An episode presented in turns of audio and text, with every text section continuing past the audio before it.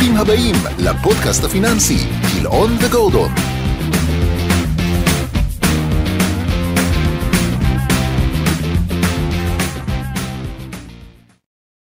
שלום רב ללקוחות היקרים שלנו, שלום לחברי הקהילה, וכמובן שלום גם לך, שותפי היקר דרור גילאון. אהלן נדב, מה נשמע? אה, בסדר, אנחנו נמצאים בתקופה מאוד מורכבת אה, ברמה הלאומית ובטח שיש לכך השלכות גם אה, על השווקים הפיננסיים. אני רוצה להגיד כמה דברים לפני שנתחיל. אנחנו עושים מערכות פנימיות רבות לגבי האסטרטגיה הראויה לתיקי ההשקעות כל הזמן, וכמובן שביתר שאת במצבי קיצון כמו המלחמה הזו. אני רוצה להדגיש שאנחנו זמינים עבורכם, עוברים על התיקים, ואם אנחנו מזהים צורך לשנות, אנחנו כמובן מרימים דגל ומעדכנים. חוץ מזה, חלק ממטרות הפודקאסט והסקירות החודשיות הן להציף את הדעות והמחשבות שלנו גם כבסיס לשיחות ולמפגשים השוטפים שלנו איתכם, וגם כחומר עזר לחברי הקהילה בנוסף ללקוחות שלנו. מאז הפרק האחרון שהפצנו בסוף אוקטובר, השווקים הפיננסיים עלו בעוצמה מרשימה. מדד המניות העולמי עלה ב-8%, מדד תל אביב 125 ב-5%, וגם אגרות החוב עלו בחדות. מדד האולד בונד כללי בישראל עלה בקרוב לשלושה אחוזים, מדד האג"ח האמריקאי או ה-AGG הוסיף כמעט ארבעה אחוזים, ואנחנו מדברים פה על תקופה של אה, שלושה שבועות.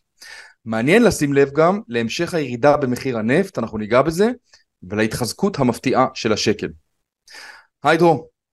אהלן נדב. אני חייב לשתף באמת אה, שגם אנחנו הופתענו מהמהירות שבה התרחשו התחזיות שדיברנו עליהן ממש לפני שלושה שבועות בפרק המיוחד שלנו. אני מזכיר שעיקרי הדברים היו א', הורדת החשיפה לדולר, ב', חיזוק ההשקעות בישראל והגדלת רכיב אגרות החוב באמצעות פוליסות חיסכון, אגב במיוחד עבור אלו שהחזיקו אה, קרנות כספיות. גם בפרק הזה יש לנו הרבה סוגיות מעניינות וחשובות. אה, אז בוא באמת נתחיל ונצלול לעומקם של הפרטים. אתה רוצה להגיד משהו לפני דרור? לא, אני חושב שהרקע ההקדמה הייתה חשובה וטובה. אה, יש הרבה נושאים, אז אני חושב שזה הכי טוב לצלול פנימה. בוא נתחיל עם המטח, ראינו שיוו, שינוי כן. כיוון דרמטי אה, בשער החליפין של השקל, ומרמות של 4.06 אה, לדולר, השקל התחזק לרמה של 3 שקלים ו-72 אגורות נכון להבוקר, הוא נמצא ברמות נמוכות יותר ממה שהיה לפני המלחמה. איך אתה מסביר את העוצמה של השקל באמצע המלחמה, או בעיצומה של המלחמה?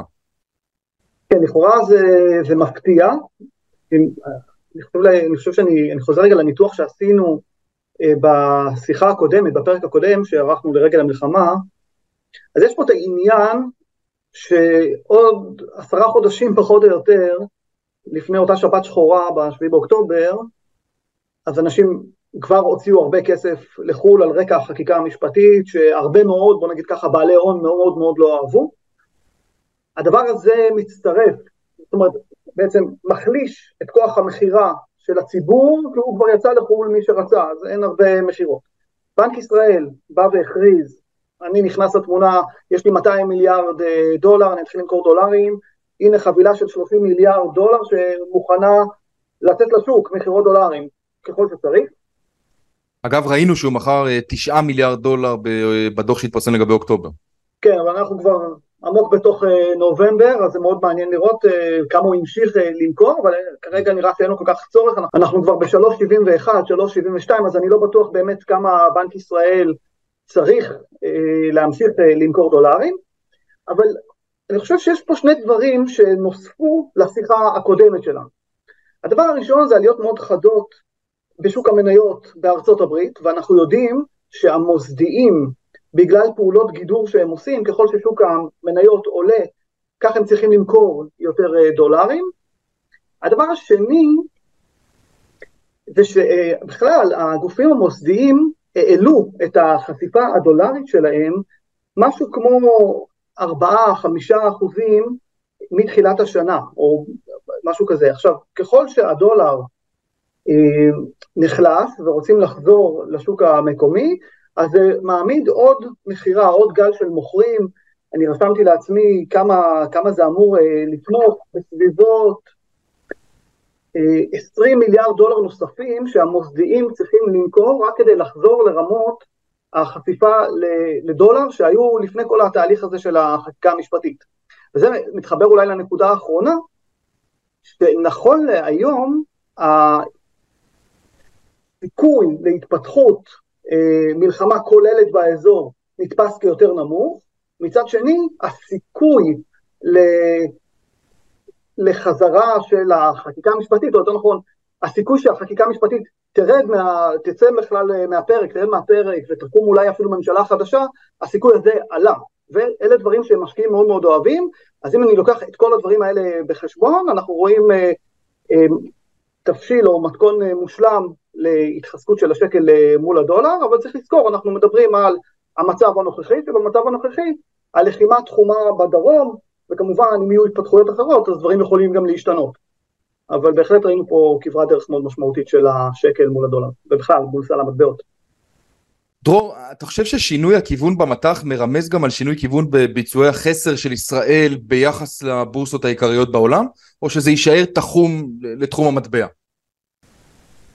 אמ, אז זהו, זה מעניין לראות, כי, כי בסופו של דבר אם אנחנו מסתכלים מה קרה עד עכשיו, אז אמנם אה, ראינו שיפור מאוד משמעותי בביצועים של השוק המקומי, גם במניות וגם באגרות החוב, אבל עדיין מתחילת החודש הפער או ביצועי החסר של ישראל ביחס לעולם נפתחו גם ברמה של מדד תל אביב 125 מול מדד מניות העולמי, ה-MSCI World, וגם ברמה של אגרות חוב. אז אנחנו, אני כן אומר, זה נורא נורא בולט וברור שהמתאם לשווקים בעולם גדל, וזה סימן חיובי, כי השוק הישראלי היה מאוד מנותק הרבה מאוד חודשים, ועם תחילת המלחמה, אבל מתחילת החודש אנחנו רואים איזשהו שינוי, אז אני רק אומר, זה עוד מחדד כרגע לפחות את העניין, שהשוק הישראלי באופן יחסי לעולם עדיין יותר זול, למרות עלייה של חמישה אחוזים, אה, קצת יותר בתל אביב 125 שראינו מתחילת החודש.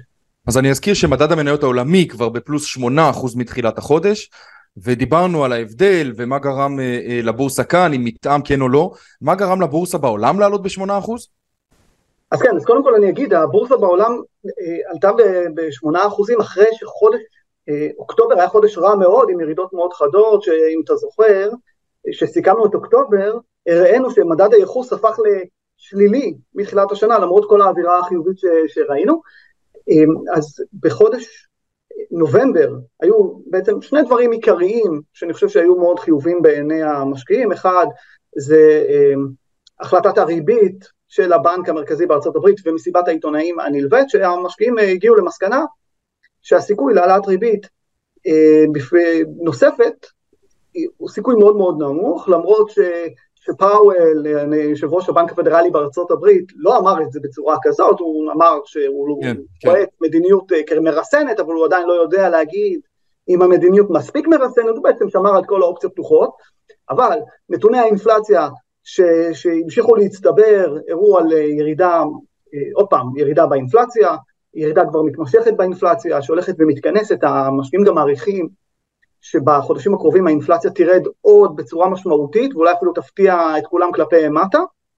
השוק העבודה קצת נחלש, הצמיחה האמריקאית קצת מגלה סימנים של חולשה, אבל זו חולשה, אני אומר, זו חולשה קלה, אבל חולשה קלה, פלוס ירידה דרמטית אולי באינפלציה של משקיעים אה, חוזים, וזה מעניין לראות את מחירי הסחורות בקונטקסט הזה, שכמעט כל הסחורות ירדו מאוד אה, חזק אה, מתחילת השנה, אז האינפלציה בצנרת היא משמעותית יותר נמוכה, וזה, וזה המשקיעים אהבו, ואז ראינו את הירידת תשואות באגרות החוב, שהובילה גם לרלי בשוק המניות, שהרלי הזה גם בא לתקן את הירידות החדות של אוקטובר, וגם בא להוסיף לגבי התחזית החיובית לנחיתה רכה בכלכלה האמריקאית, שמלווה בהורדת ריבית בחודשים הבאים בתוך שנת 2024. אני רק אגיד שהפער, שנייה נדב, הפער כרגע, וזה פער שהוא בלתי נתפס כמעט, בין הביצועים של מדד המניות העולמי לביצועים של השוק המקומי, הוא 18.5 אחוזים מתחילת שנה, זה פער עצום. כן, חשוב גם להגיד שחלק גדול מהפער הזה גם בעקבות הביצועים של חודש אוקטובר והמלחמה המקומית שיש לנו כאן. אני רוצה רגע לחזור למה שאמרת שבאמת מאוד מעניין ולשאול אותך דרור באופן אישי, אתה חושב שבאמת הפד סיים להעלות את הריבית או שעוד פעם השוק אה, נמצא באיזושהי אשליה? איך אתה רואה את הדברים? אז, אה, אז אני חושב שכרגע אין, אין כמעט אה, ספק שהמפתח לשנת 2024 נמצא בשני מקומות עיקריים. ביכולת של המשק האמריקאי לצמוח בצורה אולי מתונה באופן יחסי לקו המגמה ההיסטורי, אבל עדיין להיות באזור חיובי, לצד ירידה באינפלציה כמו שמעריכים. ואם אני מסתכל כרגע על מחירי הסחורות ועל מדד המחירים ליצרן בארצות הברית ועל העובדה שמדד הליבה גם בארצות הברית שהושפע מאוד ממחירי הנדל"ן, שזה אפשר להגיד בשוק, להסתכל קדימה, כי יש שם דיליי של בערך עשרה חודשים בין, בין המחירים בפועל לעד שהם משתתפים כן. במדד, אז אפשר לצפות ירידה מאוד משמעותית אה, במדד הליבה בארצות הברית בחודשים הקרובים, ואני חושב שאם לוקחים את כל הדברים האלה ביחד, יש סיכוי לא רע שנראה הורדת ריבית בארצות הברית, כרגע השוק מתמחר לצורך העניין ירידה בחודש יוני, עד חודש יוני כמעט 100 אה, אחוז, אה, בוא נגיד 90 אחוז בערך אה, ירידה בריבית, ואני חושב שזה נכון, אני רק חושב שיכול להיות שהכלכלה לא, לא תהיה נחיתה רכה, אלא תהיה נחיתה יותר קשה ממה שמעריכים כרגע בשוק. אז מה, מה מגולם בשוק? אם אנחנו מסתכלים קדימה, אז מה, מה מגולם עכשיו בשוק? אז אני אגיד רגע ככה, בשנת 2022, בערך בתקופה הזאת, בשנת 2022, שבאו ועשו תחזיות ל-2023, היה קונצנזוס מאוד מאוד אה, גדול, ששנת 2023 תהיה שנת מיתון. כתוצאה מכך, הסמנכ"לי כספים, המנכ"לים של החברות, הכינו את החברות בצורה הגנתית לקראת שנת מיתון. בנוסף, עקום התשואות היה מאוד מאוד הפוך, זאת אומרת, שעלות המימון בטווחים היותר ארוכים הייתה נמוכה משמעותית מהריבית של הבנק המרכזי. מה שאפשר באופן פרדוקסלי לצמיחה להיות יותר מהירה ממה שהעריכו. היום המצב הוא בדיוק הפוך. יש היום אה, קונסנזוס של בערך אה, או 70 ומשהו אחוז שמגלמים את ה-best case scenario לשווקים. אנחנו מדברים על ירידה של האינפלציה. מדהים, מדהים. כן, לשניים וחצי אחוזים, אנחנו מדברים על זה שהחברות ימשיכו לצמוח ב-11 אחוזים, ומצד שני אנחנו רואים גם את התשואות שהלכו ועלו גם בחלק הבינוני ארוך של העקום התשואות. וזה דווקא מקשה על עלות הגיוס של החברות, כן. ויכול להיות, וזה משהו שאני מרבה לדבר עליו, שככל שהריבית נשארת גבוהה לדווח, לזמן יותר ארוך, לזמן יותר ממושך, כך יותר ויותר חברות ומשקי בית ייאלצו למחזר את ההלוואות שלהם בריבית יותר גבוהה. כן, ריבית הרבה יותר גבוהה ממה שהייתה.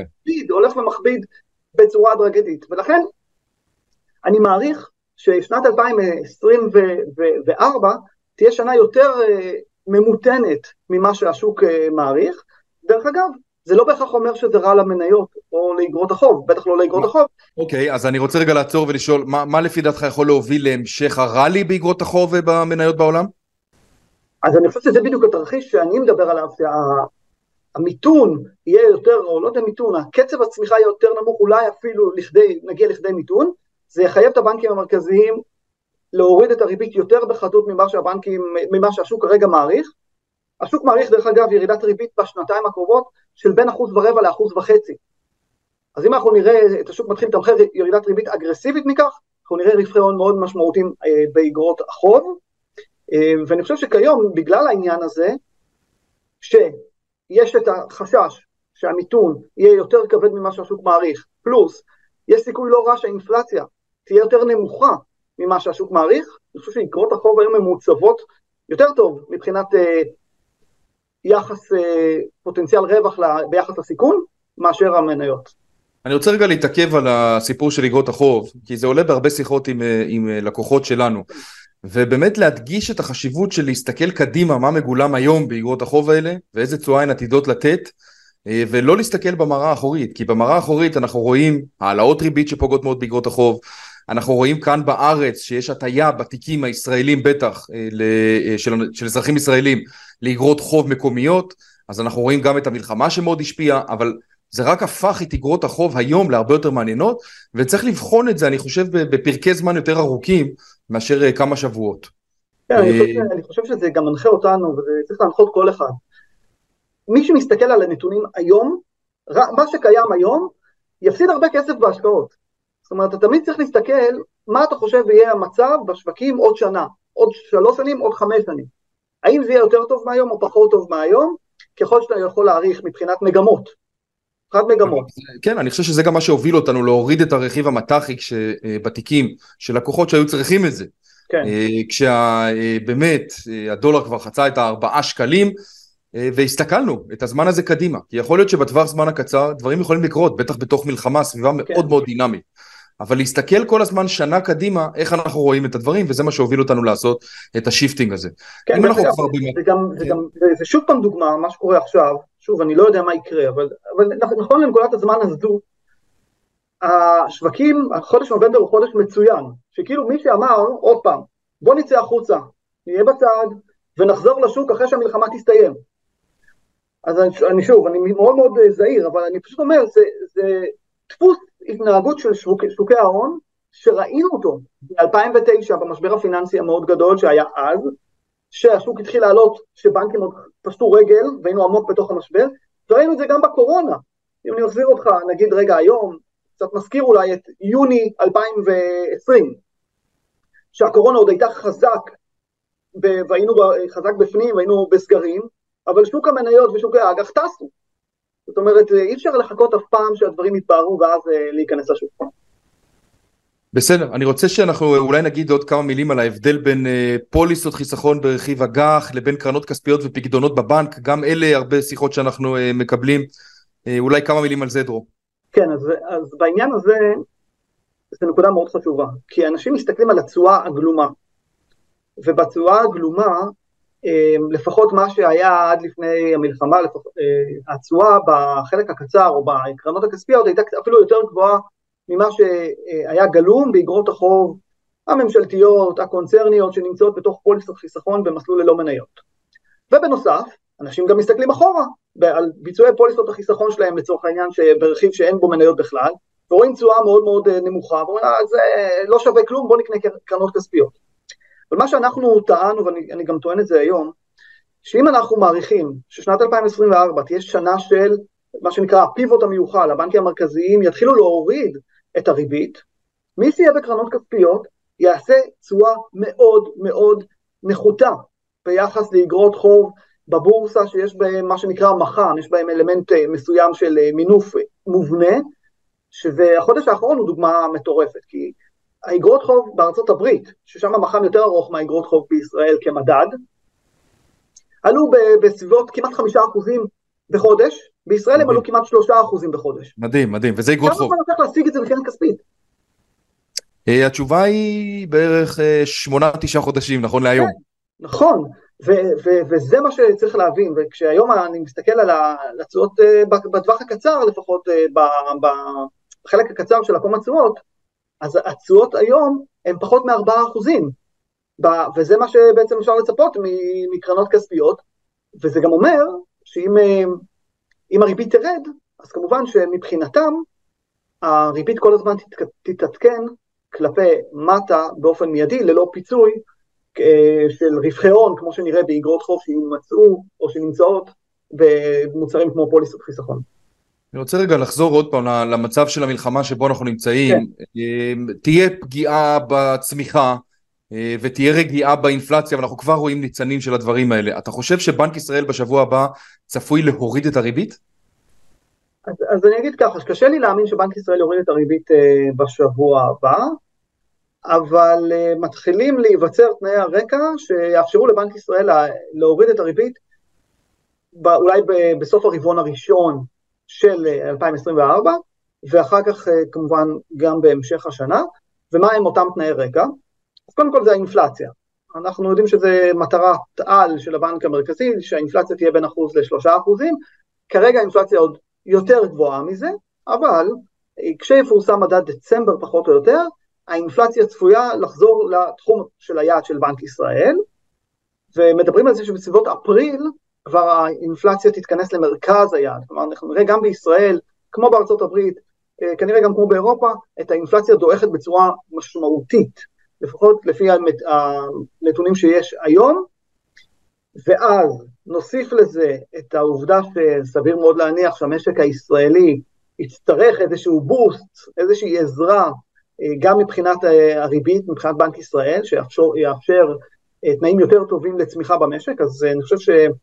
השילוב של אינפלציה יותר נמוכה, משק ממותן, ואם אני מסתכל גם על המטח, אז היציבות בשערי החליפין של השקל, זה לא שפה המשקיעים מאבדים אמון בישראל כרגע, כל אלה יאפשרו לבנק ישראל להוריד את הריבית, כן. ופה חשוב להגיד, ככל שהממשלה מצידה תתנהל באחריות פיסקלית גדולה יותר, כך מצבנו יהיה הרבה יותר טוב, וזה מאוד מאוד חשוב בתקופה שכולנו, גם, גם המשק ברמה המקרו וגם אנחנו כאזרחים ברמת המיקרו, זקוקים אה, להחלטות כמה שיותר מקצועיות וטובות כדי אה, לעזור לכלכלה ולנו בסופו של דבר לשגשג בתקופה יותר מאתגרת. מעולה. אה, עוד משהו שתרצה להוסיף?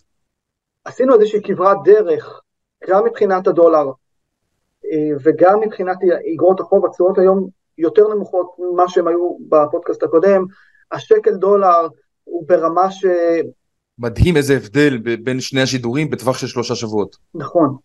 והיום ברמה של 3.72, אה, פחות או יותר שקל דולר, אז אני, אז אה, אני כבר פחות כמובן אה, רץ להמליץ על לצמצם חשיפות לחו"ל ולהעביר אותם לישראל, כי אנחנו בכל זאת עדיין... וגם חשוב להגיד שעוד תהיה תנודתיות, זאת אומרת תהיה תנודתיות, הצטברו פה כל מיני תנאים שגרמו לירידה המאוד חדה הזאת, כולל באמת עליות שערים בחו"ל וכל מיני סיבות גם מקומיות לזה, אבל הדברים עוד יהיו דינמיים ותנודתיים, גם את זה חשוב. כן, אבל אני חושב שהשוק הולך ומתמחר ככל שהזמן עובר, וככל שהוא יעשה את זה יותר, החלפה של הממשלה. ו- וככל שהדבר הזה, ראינו את הסקרים לאחרונה שפורסמו, ו- ואין מה לעשות, לא משנה כל אחד עם הדעה הפוליטית שלו, אני מנסה לנתח איך, איך, איך המשקיעים יגיבו, איך השווקים יגיבו, השווקים רוצים לראות פה סיפור אחר לגמרי מבחינה פוליטית, מבחינת uh, השליטה במדינה, רוצים לראות ממשלה אחרת שמתעסקת בדברים אחרים, ומה שקורה עכשיו בהיבט הזה נותן תקווה למשקיעים שנראה פה דברים אחרים, ואז הם מוכנים, שנקרא למשוך את הכתפיים על נתונים שיהיו לא טובים בחודשים הקרובים באופן יחסי, זאת אומרת עלייה באבטלה, כן. צמיחה. יותר נמוכה, אה, קיפאון בנדל"ן, הרבה, אולי פחות השקעות בהייטק, מוכנים אפילו למשוך את הכתפיים בעניין הזה, אם תהיה להם תקווה שהדברים ייראו אחרת, נניח בעוד מספר חודשים, שנה קדימה ו- וצפונה. בסדר גמור, אני רוצה ברמה אישית אה, להגיד שזה באמת ימים לא קלים. אה, חלק מהלקוחות שלנו לא גרים בביתם ונאלצו לעבור, אה, וחלק אה, אחר במילואים, גם אני באופן אישי, אה, ככה שכולם פה עובדים במתכונת כזו או אחרת. אנחנו כן כאן עוזרים בכל מה שאנחנו יכולים, ואנחנו זמינים לכל שאלה, לכל בקשה, אפילו אם היא לא נראית לגמרי כזו שאתם חושבים שאפשר לבקש, הכל. זמנים לא רגילים, ואנחנו גם עושים מעשים שהם לא רגילים, אז בהחלט תנצלו את זה, ואנחנו כאן לכל דבר ועניין. דרור, המון המון תודה על הזמן שלך, ואנחנו כמובן ניפגש כאן בקרוב. תודה נדב, תודה לכולם. להתראות. ביי להתראות.